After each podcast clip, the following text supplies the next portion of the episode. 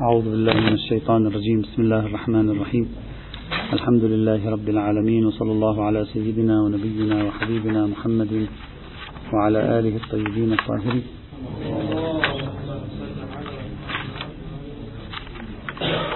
كان كلامنا في الفرضيات التفسيرية المتصورة في آية في السبيل. الفرضية الأولى كانت التمسك بالإطلاق. بحيث تكون هذه الآية القرآنية الكريمة شاملة لكل أنواع السبيل التشريعي والتكويني الدنيوي والأخروي مطلقا.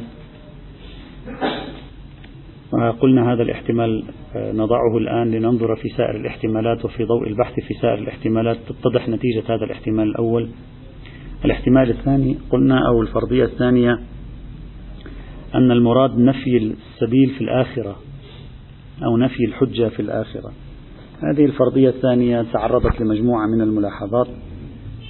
ذكرنا حتى الآن ثلاثة أو ثلاث ملاحظات وناقشناها وحتى الآن يبدو أن هذا الاحتمال في احتماليته على الأقل معقول في احتماليته معقول حتى لو لم نرجحه من حيث الظهور.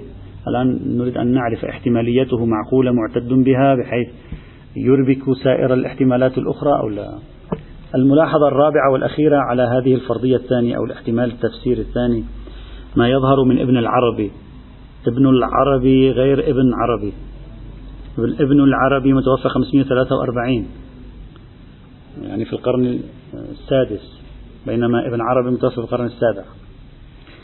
ابن العربي في كتابه أحكام القرآن قال احتمال أن يكون المراد بهذه الآية القرآنية نفي الحجة يوم القيامة ضعيف. لماذا قال؟ لعدم فائدة الخبر فيه. ما الفائدة أن تقول يعني وليجعل الله للكافرين على المؤمنين سبيلا؟ ما الفائدة أن تخبرنا بهذا الخبر؟ لا توجد له فائدة. يعني ماذا تريد أن تقول؟ يعني كأنما يقول هذا أمر معروف هذا أمر بديهي هذا أمر واضح. يعرفه كل مسلم يعرفه كل شخص يعرف الله سبحانه وتعالى وعدالة الله. أكيد لن يجعل الكافر على المؤمنين سبيلا يوم القيامة. ستكون السبيل يوم القيامة للمؤمن وليس للكافر. فما يعني ما الخصوصية التي تريد أن تضيفها هذه الآية القرآنية الكريمة؟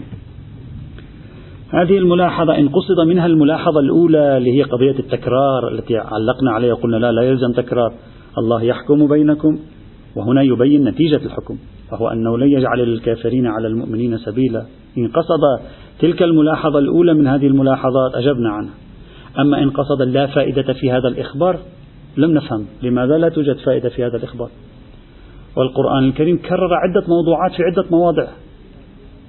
إذا على هذه الحالة لا فائدة في تلك يعني؟ ولا بأس هذا تكريس تأكيد مزيد تطمين للمؤمنين. أنه ستكون لكم الغلبة يوم القيامة. أي مانع من ذلك؟ لماذا لا تكون فيه فائدة؟ لم نفهم يعني. أنها تعطينا فكرة موجودة في مكان آخر في القرآن؟ وفي كثير من المواضع توجد أفكار في القرآن هم موجودة في مكان آخر. في آيات بعينها كررت. ويوجد جدل حول تكرارها في القرآن بعينها. وأحيانا مع اختلاف حرف واحد. فلم نفهم هذه الطريقة في المقاربة أنه لا لا معنى لأن يقول ولن يجعل الله للكافرين على المؤمنين سبيلا هذا شيء واضح هذا شيء بديهي. هذا شيء مركوز عند جميع أهل الأديان. ونعم مركوز وأراد أن يكرسه. وين المشكلة؟ وأراد أن يؤكده لمزيد تطمين لمزيد إيمان المؤمنين. هذا الوجه أيضا لا نجد له معنى. وحتى الآن عليه لا توجد ملاحظة مقنعة تستطيع أن تجعلنا نعتبر أن هذا الاحتمال ساقط عن دائرة الاحتمالية. وعلينا أن نستبعده. فهذا الاحتمال معقول. وقرينته معه.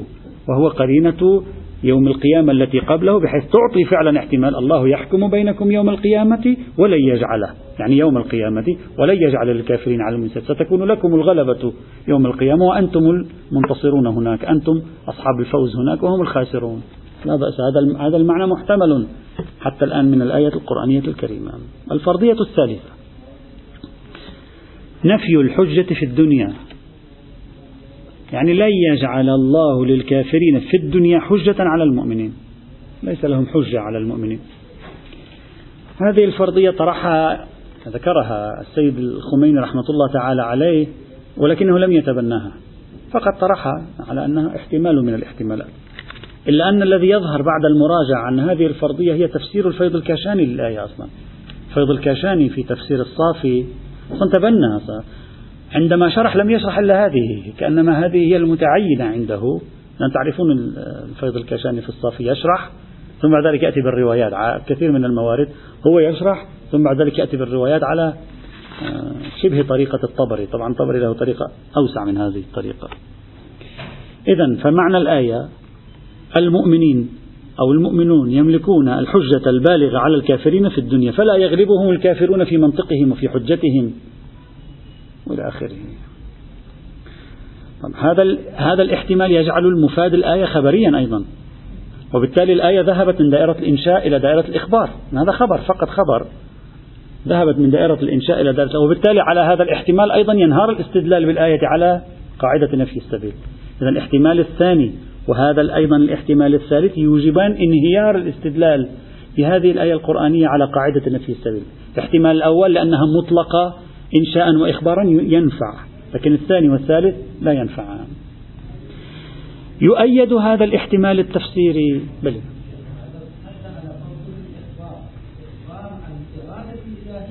بلي بهذا ليس إنشاء إخبار عن أن منطق المؤمنين أقوى من منطقهم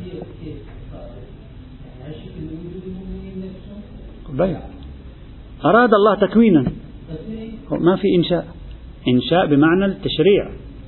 لا يوجد إنشاء إذا تقصدون من الإنشاء يعني هو الذي لعب دورا في ذلك لا بأس. ممكن يكون الله أيد المؤمنين في الدنيا أن يغلبوا في الحجة غيرهم. لكن المقصود هنا من الإنشاء الإنشاء التشريعي في مقابل الأمر التكويني الخارجي. وإذا كان الأمر كذلك لا علاقة للآية بإنشاءات تشريعية ترتب عليها أحكام شرعية. هذا الاحتمال التفسيري أو هذه الفرضية التفسيرية يؤيدها رواية استخدمها أيضا فيض الكشاني في تفسير الصافي وهي رواية الصدوق في كتابه عيون أخبار الرضا عليه السلام بالسند إلى أبي السلط الهروي. قال قلت للرضا عليه السلام رواية جميلة فيها كشكول من النزاعات. جميلة هي صغيرة لكن جميلة. قال قلت للرضا عليه السلام يا ابن رسول الله إن في سواد الكوفة قوما يزعمون أن النبي صلى الله عليه وعلى آله وسلم لم يقع عليه السهو في صلاته. هكذا قال. فقال كذبوا. النبي لا يسهو وقع عليه السهو. هذه من الروايات التي يستفيد منها الشيخ الصدوق لإثبات السهو على لذلك. هو يقول بعد هذه الرواية الشيخ الصدوق يقول وقد ذكرنا هذه الرواية وغيرها في باب رد التفويض والغلو. هو هو يقول بعد هذه الرواية الشيخ الصدوق. الإمام يقول كذبوا لعنهم الله إن الذي لا يسهو هو الله الذي لا إله إلا هو. شو هذا لا يسهو؟ النبي يسهو سهى. طيب. قال قلت يا ابن رسول الله وفيهم قوما هكذا الرواية وفيهم قوما يزعمون أن الحسين بن علي عليه السلام لم يقتل. تعرفون هذا موجود في القرون الأولى. وأنه ألقي شبهه على حنظلة بن أسعد الشامي مثل ما ألقي شبه عيسى عليه السلام على كما يقال يهوذا الإسخريوطي. وأنه رفع إلى السماء كما رفع عيسى بن مريم عليه السلام. ويحتجون بهذه الآية. هذا محل شهدنا ولن يجعل الله للكافرين على المؤمنين سبيلا. فكيف جعل سبيل على ليس على المؤمنين على أعظم المؤمنين وهو الحسين بن علي عليه السلام. يعني هكذا احتجاجهم. فقال كذبوا عليهم غضب الله ولعنته وكفروا بتكذيبهم لنبي الله صلى الله عليه وعلى آله وسلم في إخباره بأن الحسين بن علي سيقتل. والله لقد قتل الحسين وقتل من كان خيرا من الحسين أمير المؤمنين والحسن بن علي عليهم السلام. وما منا إلا مقتول وإني والله لمقتول بالسم باغتيال من يغتالني. أعرف ذلك بعهد معهود إلي من رسول الله أخبره به جبرائيل عن رب العالمين عز وجل. وأما قول الله عز وجل الآن الإمام يريد أن يجيب عن دليله يريد هو أن يفسر الآية القرآنية. وأما قول الله عز وجل ولن يجعل الله للكافرين على المؤمنين سبيلا فإنه يقول لن يجعل الله لكافر على مؤمن حجة ولقد أخبر الله عز وجل عن كفار قتلوا النبيين بغير حق. أنا استثقلوا أن يقتل الحسين عليه السلام. هو نفس الشيء. هذا من أولياء وهذا من الأولياء. إذا كانت الآية لا تأبى لا تقبل أن يقتل الحسين بن علي لا تقبل أن يقتل أيضا أولئك الأنبياء. والقرآن تكلم. وقتلهم الأنبياء بغير حق. ومع قتلهم إياهم لن يجعل لهم على أنبيائه عليهم السلام سبيلا من طريق الحجة. يعني لهم الحجة عليهم. فهم الفيض الكاشاني من هذه الرواية أن المراد بالحجة الحجة في الدنيا أيضا. يعني هكذا ظاهره. وإلا إذا واحد يقول حجة لعل المراد يوم القيامة أيضا. لكن مطلقة أقل في الدنيا. هذا إذا فرضية تفسيرية ثالثة أن المراد من ولن يجعل الله للكافرين على المؤمنين سبيلا لن يجعل لهم حجة حجة في الدنيا. إلا أن الحق والإنصاف أن هذا الاحتمال التفسيري ليس عليه شاهد ولا دليل. تقول الآية الناظرة إلى خصوص الحجة في الدنيا هذا معنى الفرضية التفسيرية. لا الإطلاق خصوص الحجة في الدنيا لا, لا يوجد أي شاهد في الآية. حقيقة لا لا توجد قرينة لا توجد أي شاهد في داخل الآية القرآنية الكريمة. نعم في حد نفسه محتمل.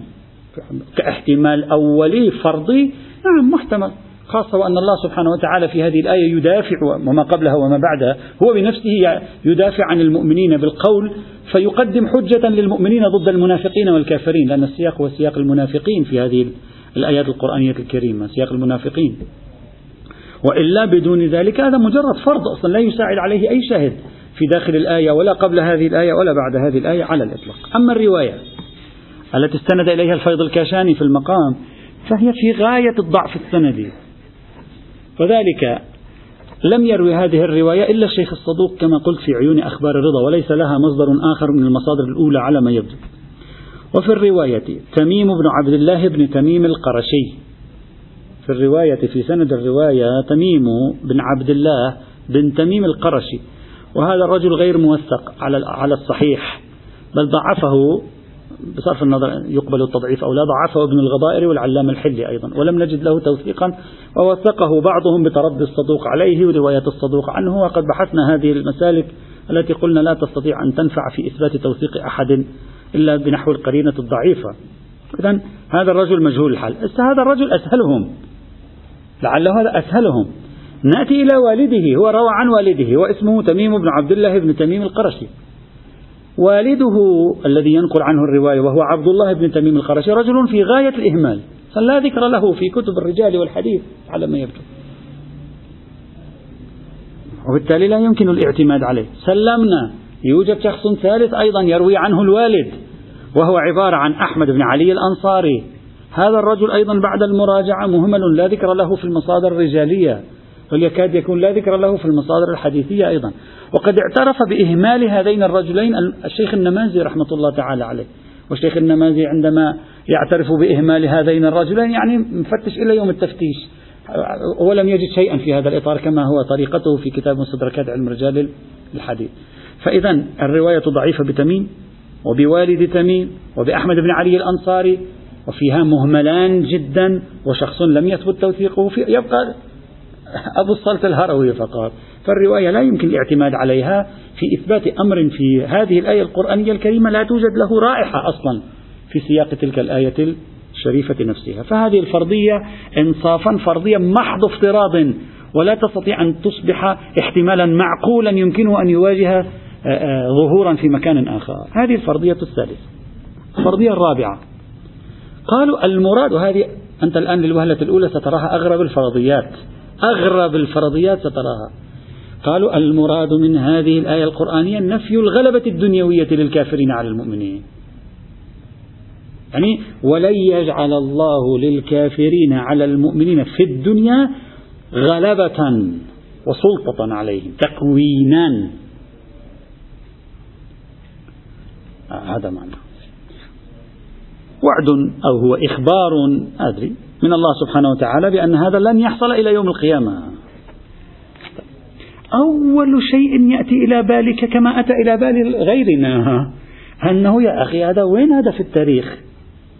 هؤلاء التتار أسقطوا في القرن السابع الهجري 656 أسقطوا الخلافة الإسلامية واحتلوا بلاد المسلمين. نصف العالم الإسلامي أخذوه. وفعلوا من السلطنة والغلبة ما يعني لم يفعله أحد من قبل. المسلمين لا يغلبون. وين هذه جايبة هذا الأندلس. غلب المسلمون في الأندلس. وخرجنا من الأندلس يعني في وضع سيء. ومن بقي منا في الأندلس عانى الأمرين من القمع. وفروا أو تركوا دينهم. يعني كيف تستطيع أن تثبت؟ ما هذه الجرأة أن تطرح هذا الاحتمال. يعني حتى هو طرح هذا الاحتمال لا معنى له مثلا. وهذا العالم الإسلامي في 200 سنة الأخيرة ملئ بالاستعمار وسيطرة الدول العظمى والدول الكبرى عليه تتحكم فيه وتتسلط عليه وتغلبه يمينا ويسارا. فإذا هذا الاحتمال لا معنى له. لكن القضية لم تنتهي هنا تتفكر حسانة القضية. لا. هذه القضية لم تنتهي. بذلت محاولات لكي يتم تبرير هذا تبرير دخول أو تعين موضوع الغلبة الغلبة الدنيوية أيضا. طبعا أضف إلى ذلك رواية الهروي التي قرأناها قبل قليل. هم أيضا تضاد هذا الاحتمال لأن رواية الهروي هي بنفسها تقول يغلب في الدنيا أولياء الله يغلبون في الدنيا يقتلون في الدنيا. أيضا تساعد على رد هذا الاحتمال.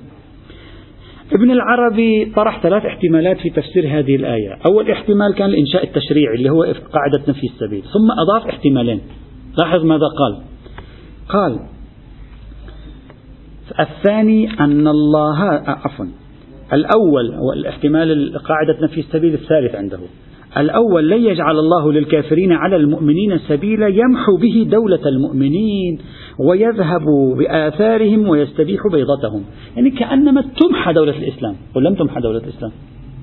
يعني فهم من لن يجعل الله للكافرين على المؤمنين سبيلا سبيلا بنحو أصلا دولة الإسلام تذهب من الوجود. وهذا صحيح. لم يحصل هذا. والظاهر لن يحصل. حسب المفاد النصوص الدينية هكذا.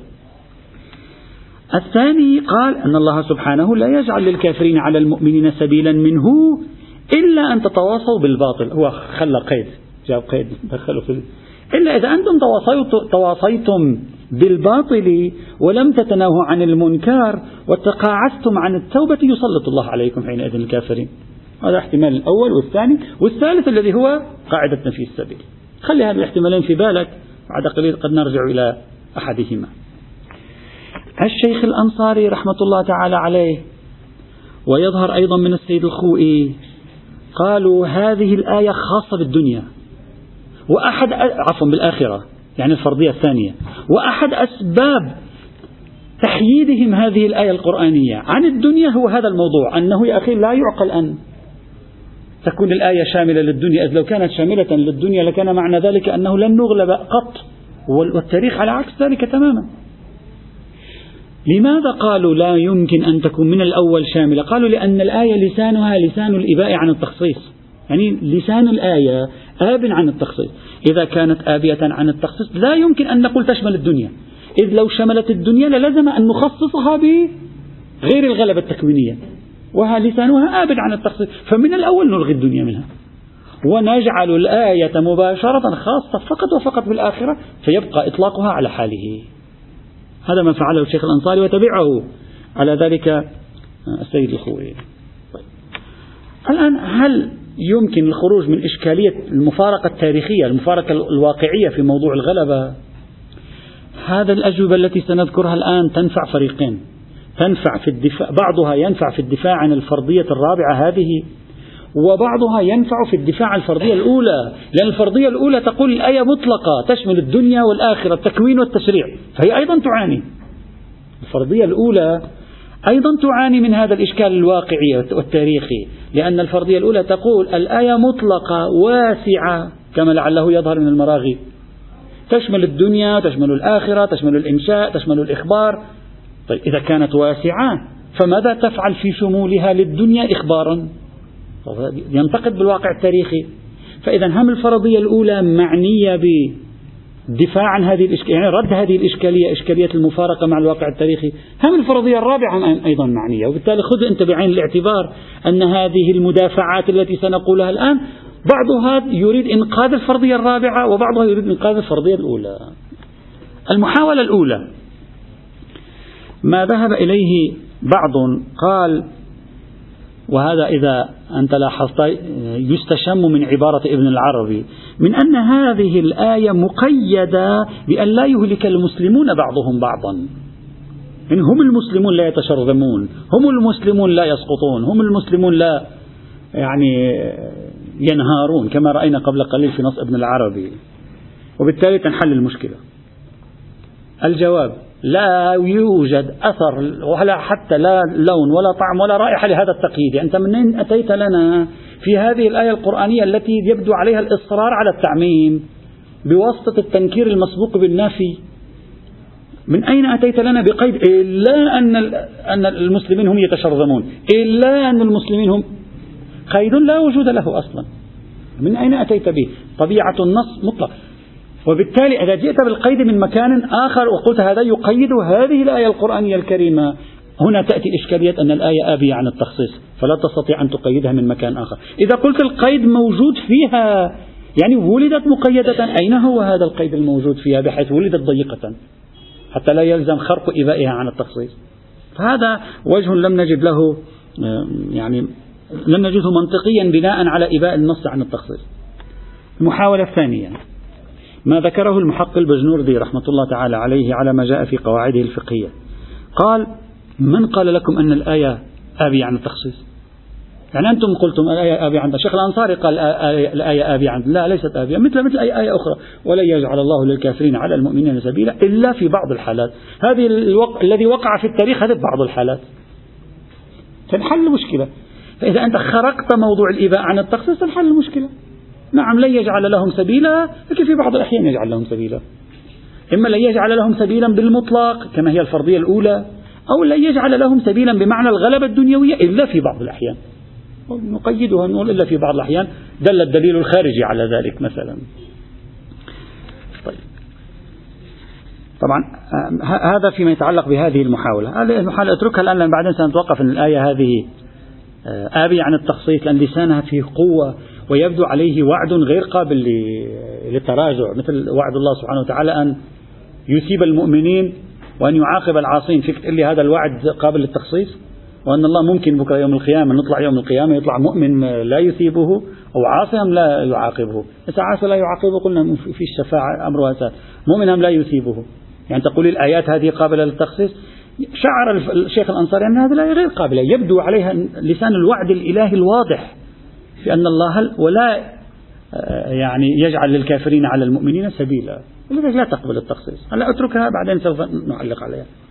المحاولة الثالثة ما ذكره سيد الإمام الخميني رحمة الله تعالى عليه في معرض تحليله لذيل هذه الآية. يعني قال الإمام الخميني إذا فرضنا تركنا السياق وأخذنا فقط هذا الذيل فقط هذا الذيل ولا يجعل الله للكافرين على من سبيلا فقط هذا الذيل ممكن أن نبتكر له وجها يحل المشكلة.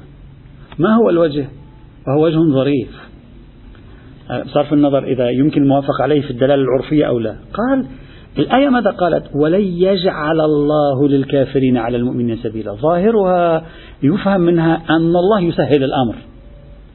أن الله هو الذي يقوم بتسهيل الأمر. يعني مثلا الله يجعل للمؤمنين على الكافرين سبيلا. كيف؟ يرسل الملائكة. جعل السبيل لهم. يتدخل هو فيجعل للمؤمنين سبيلا على الكافرين. أما الله لا يفعل ذلك للكافرين. لا يأتي حرب بين المؤمنين والكافرين. الله سبحانه وتعالى ينصر الكافرين. يتدخل لنصرة الكافرين. لا يحصل ذلك. أنه يجي الله يتدخل لنصرة الكافرين آه، يرسل ملائكة أو يحدث تدخلا خسفا في مكان ما في الأرض ليكون هذا الخسف لمصلحة الكافرين. هو يتدخل لأجل أن ينتصر الكافرون. وهذا غير معقول. الآية ناظرة إلى هذه الحالة. طيب لو انتصر الكافرون في يوم من الأيام فممكن أن ينتصروا في يوم من الأيام دون تدخل إلهي. الأمور على وضعها الطبيعي. ففرق الإمام الخميني بين مفهوم انتصار الكافر على المؤمن ضمن مسار نظام الأسباب والمسببات. فلا نقول الله جعل لهم سبيلا. الله يعني إذا صح التعبير يعني لتقريب الفكرة على الحياد. القانون رتب القانون وهو القانون ماشي هم استفادوا من القانون انتصروا أما لما نقول جعل لهم سبيلا في خاصية إضافية حيثية إثباتية إيجابية تدخل فأعطاهم سبيل. يقول المنفي هو هذا. وبالتالي تلك الغلبة التكوينية الواقعة في التاريخ أن الكافرين غلبوا المؤمنين ليس فيها خرق. لأن الله هناك لم يتدخل. منطق الأشياء أدى إلى النصر والهزيمة. في تلك الآيات وبالتالي نقول الآية دالة ممكن تكون دالة على غلبة المؤمن على عدم غلبة الكافرين بهذا المعنى تنحل المشكلة. فننتصر للفرضية الثالثة وهم الفرضية الرابعة أيضا. عفوا للفرضية الأولى ومن الفرضية الرابعة تسلم من الإشكال. الإمام الخميني أشار إلى هذا البحث في كتاب البيع في الجزء الثاني في صفحة 721 إلى 723 أنت, أنت لو تأملت هذه المحاولة من الخميني تجد رائحتها في كلام ابن العربي. اللي قرأناه قبل قليل لو, لو, لو تدقق قليلا. ابن العربي ماذا قال؟ آه إن الله سبحانه لا يجعل للكافرين على المؤمن آه لا يجعل للكافرين على المؤمنين سبيلا منه إلا أن تتواصوا بالباطل فيكون تسليط العدو من قبلكم. يعني صحيح هو تكوينا حصل. لكن جعل كأنما ابن العربي في هذه الفرضية رائحة الفكرة موجودة. فهم من الجعل أن الله تدخل حتى بالجعل. أما لو أنتم تخاذلتم فسلط تسليط العدو, تسلط العدو عليكم هذا ليس من الله. يعني فهم أن هذا لا علاقة له بعملية الجعل. فكأن عملية الجعل خطوة إضافية يقوم بها المولى سبحانه وتعالى لمصلحة الكافرين وهو المنفي في هذه الحال هذا التفسير في تقدير رغم ظرافته يعني فعلا فيه نكتة ظريفة إلا أن في تقدير الإنسان العربي العفوي عندما تقول له لن يجعل الله للكافر على المؤمن سبيلا للوهلة الأولى لا يفهم هذا المعنى. لأن ظاهر هذا التعبير في, في الاستخدام العربي أن الله يجعل مانعا لا أن الله لا يحدث مقتض زائد. يعني مثلا سأعطي تعابير عرفية تستخدم في اللغة العربية وأنت أفهم المعنى وشوف ماذا يأتي في ذهنك. مثلا. تقول لن أجعل لن أجعل لزيد القدرة عليك. ماذا تفهم؟ للوهلة الأولى سرعة الانصراف الذهني عندك ماذا يحدث لن أجعل لزيد السلطة عليك. لن أجعل لزيد القدرة عليك. ظاهر في أنك تريد إحداث مانع يحول بين سلطة زيد وبينك. أو مثلا لن أجعل لعمر سبيل الوصول إلى النجاح. معنى ذلك لا أريد أن أدرسه أقويه أو لا سأضع مانعا دون وصوله إلى النجاح. في, في الانصراف الذهني العرفي رغم جمالية التحليل الذي طرحه الإمام لكن في الانصراف الذهني العرفي لو بقينا هيك صافيين ذهنيا بسرعة الذهن العرفي يذهب إلى أنك تريد أن تجعل مانعا. يعني تضع مانعا أمام تسلط الكافر على المسلم. لا أنك لا تريد أن تضع مقتضيا إضافيا لتسلط الكافر على المسلم. أدعي أن الفهم العرفي الصافي ينصرف إلى ذلك. وأما هذا المعنى الذي يذكره الإمام فيه نوع من الدقة التحليلية التي يمكن أن تنسجم أكثر مع التأمل الفلسفي في عملية تفسير النص. طبعا الإمام الخميني لم يقف. آه، مكتوف الأيدي هنا. أضاف شيئا بعد. هناك خصوصية إضافية. قال وما يعزز ما أقول. أنا لاحظ التعزيز. أيضا التعزيز فيه ظرافة لفظية جميلة. قال لاحظ بداية الآية. أظن أن الآية كاملة موجودة معي الآن هنا.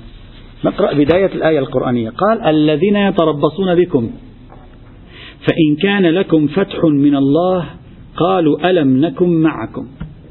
ماذا وصفه؟ قال فتح من الله. فتح من الله. وإن كان للكافرين نصيب. ما قال وإن كان للكافرين فتح من الله. حتى لم ينسبه إلى نفسه. لاحظ. قال كان للكافرين نصيب. يعني هم انتصروا. هو الله في النهاية هو الذي يدير الأمور. عندما قال أن المسلمين انتصروا نسب الأمر إلى نفسه. قال فتح من الله. عندما كان الكافرون ينتصرون ترك الفاعل. قال كان للكافرين نصيب. فهذا يشير إلى أنه في ذيل الآية عندما نقول ولن يجعل الله للكافرين على المؤمنين سبيلا يشير بمقاربة هذا الذيل مع كلمة فتح من الله. في موضوع المؤمنين. مع عدم استخدام هذا التعبير في موضوع الكافر إلى أن المراد من كلمة الجعل هنا حيثية المقتضي الزائد لا إيجاد المانع. وهذا أيضا نكتة يعني ظريفة في هذا السياق. إذا هذه إشارة يعني تستطيع أن تقول بأنها أيضا تساعد على ما قدمه الإمام إلا أنه مع ذلك لا أستطيع هذه بالنهاية يوجد نوع من الوجدان العرفي أدعي بأن الوجدان العرفي اللغوي البسيط عندما يتعامل مع هذه الآية يفهم من ال...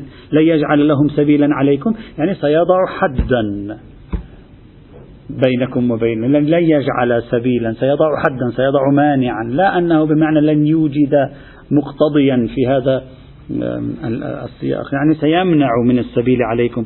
وبالتالي تكون هذه الآية بقرينة صدرها أصلا صدرها دليل على أن المراد بنفي السبيل ليس الغلبة لأن هناك قال وإن كان للكافرين نصيب.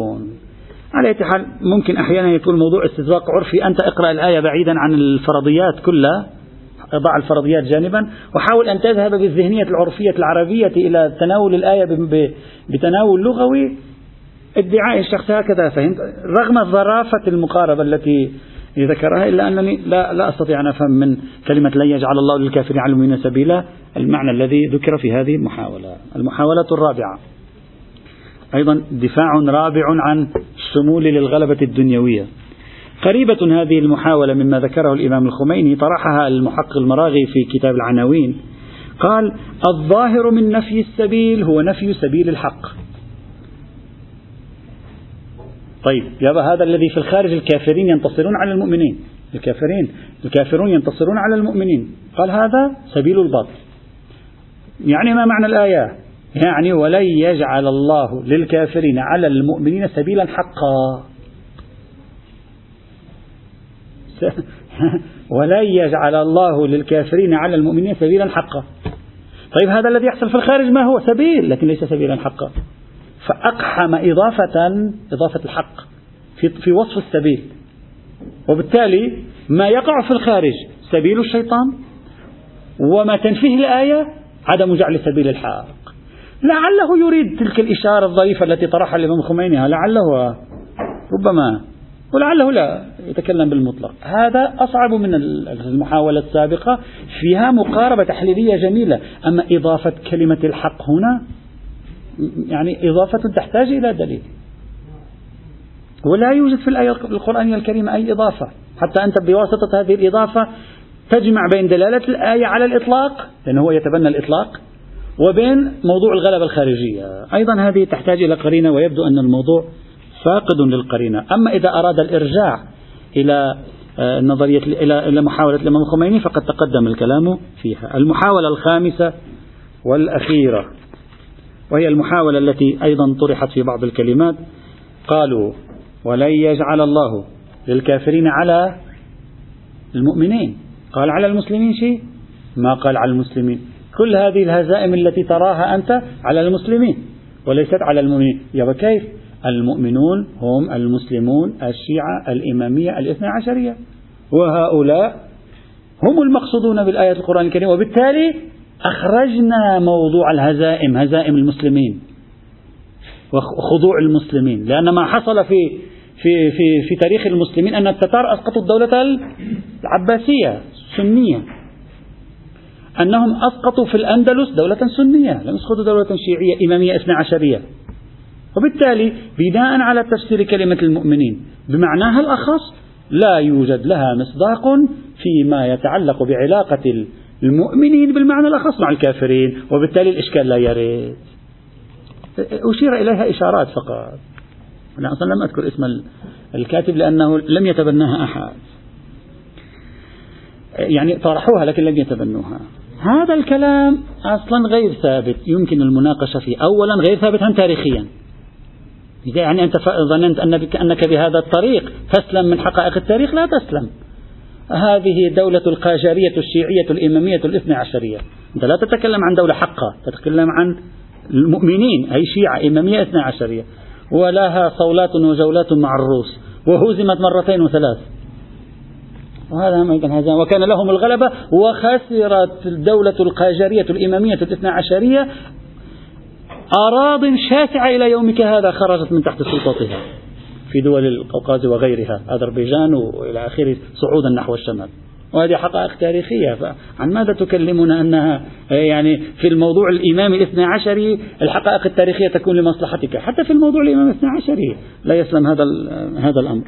طبعا أمثلة أخرى أيضا موجودة لا نريد أن نطيل في القضية. هذا أولا. ثانيا أصلا هذا التفسير لكلمة المؤمنين غير صحيح أصلا حتى في بنيته وذلك أن هذا بحث مبنائي لا أريد أن أدخل فيه الآن. تحدثنا عنه في في موضع آخر. عنوان المؤمن وفاقا لمشهور المتأخرين أن عنوان المؤمن في القرآن الكريم يقصد منه الناطق بالشهادتين تصديقا في مقابل الكافر الذي لم ينطق بالشهادتين أبدا والمنافق الذي نطق بالشهادتين لا عن تصديق وإنما عن نفاق. وهذا هو استخدام كلمة المؤمنين الواردة في القرآن الكريم لا يوجد دليل على غير ذلك فيها أصلا خاصة عندما تقابل بكلمة الكافرين آه، في النص القرآني. ولذلك كما تعرفون المحقق النجفي يعتبر أن إطلاق كلمة المؤمن على الشيعي الإمام الاثنى عشر هو يستخي يقول هذا اصطلاح جديد. والمعروف أن هذا الإطلاق ظهر في عصر الصادقين عليهما السلام أنا لا أريد أن أدخل في هذا البحث. أصلا حتى يوجد اصطلاح جديد أو لا؟ فكروا فيه. لا أريد أن أدخل في هذا البحث. إذا أحد يريد أن يبحث هذا الموضوع جميل. يكتب فيه مقالة. يوجد اصطلاح جديد أن كلمة المؤمن عندما تطلق في ألسنة الروايات بعد عصر الصادقين لا يقصد منها كاصطلاح جديد بدون قرينة يعني يصبح هو السائد. لا يقصد منها إلا الشيعي الإمام الاثنى عشري لا بأس بكتابة مقالة في هذا. تأملوا فيه. هل يوجد حقيقة خارجية فعلا تاريخيا أن تحصل, تتبع. أنك بعد هذا الزمان لا تحتاج لقرينة في داخل النص ترشدك إلى أن مراده من المؤمن كذا وإنما بمحض إطلاق كلمة المؤمن ينصرف إلى الشيعي الإمام الاثنى عشري هل رأيت دراسة مستقلة كتبت في هذا المجال جمعت الشواهد التاريخية تستطيع أن تثبت ذلك؟ لا بأس هذا بحثهم لكن على الأقل ما قبل الصادقين يكاد يكون الأمر متفقا عليه أنه لا يوجد اصطلاح آه، في هذا الموضوع. هذا ثانيا. ثالثا يعني ولن يجعل الله للكافرين على المؤمنين سبيلا. إما أن تفسرها بالمسلمين فقط يعني ما بعد مجيء الإسلام أشكلنا الإشكالين السابقين. أما إذا فسرت كلمة الكافر والمؤمن الكافر والمؤمن على على مساحة التاريخ. القرآن يكلمنا عن مؤمنين. القرآن اعتبرهم مؤمنين باصطلاحه. هزموا وغلبوا وتسلط على أصحاب الأخدود. أصحاب الأخدود مؤمنون مسلمون بكل المعنى إذا تقصد كلمة المؤمن الحقيقي وهؤلاء أيضا حصل معهم ذلك. بل إذا أردت أن تستخدم مؤمنين وكافرين لا بمعنى الجماعة بل بمعنى الأفراد أيضا سنأتي إلى الإشارة على هذا الموضوع. هل هذه الآية تتكلم عن جماعة مقابل جماعة أو حتى عن فرد مقابل فرد؟ لأن هذا يؤثر على قاعدة تنفيذ سبيلها. إذا قلت تريد أن تنزلها على مستوى الفرد كما هو استدلال القائلين بقاعدة تنفيذ السبيل مثلا. أنبياء قتلوا أيضا بناء على أن بني إسرائيل كفر لأن هذا أيضا في موضوع. بناء على أن بني إسرائيل كفار بالمدلول القرآني عندما قتلوا الأنبياء وهذا يقول به كثيرون أيضا وقتلوا أنبياء. يعني الأنبياء كل الأنبياء على الرواية الشائعة الموجودة المتداولة أخذت منهم الولاية على أي حال. فإذا هذه المحاولات برمتها ليست صالحة. أقواها محاولة ما طرحه الإمام الخميني لكنني أعتقد أن هذا الاحتمال يغدو ضعيفا وبالتالي ينبغي أن نحيده من دائرة المحتملات. لم يبقى إلى الآن. عندنا الاحتمال الأول تركناه إلى الآن رغم أنه تعرض لمشكلة آه، في في الاحتمال الرابع إلا إذا تخلينا عن الإباء عن التخصيص. الاحتمال الثاني معقول جدا. الاحتمال الثالث مستبعد من دائرة الاحتمالات الاحتمال الرابع أيضا مستبعد من دائرة الاحتمالات حتى الآن نحن أمام الاحتمال الأول والاحتمال الثاني الاحتمال الخامس يأتي إن شاء الله تعالى والحمد لله رب العالمين.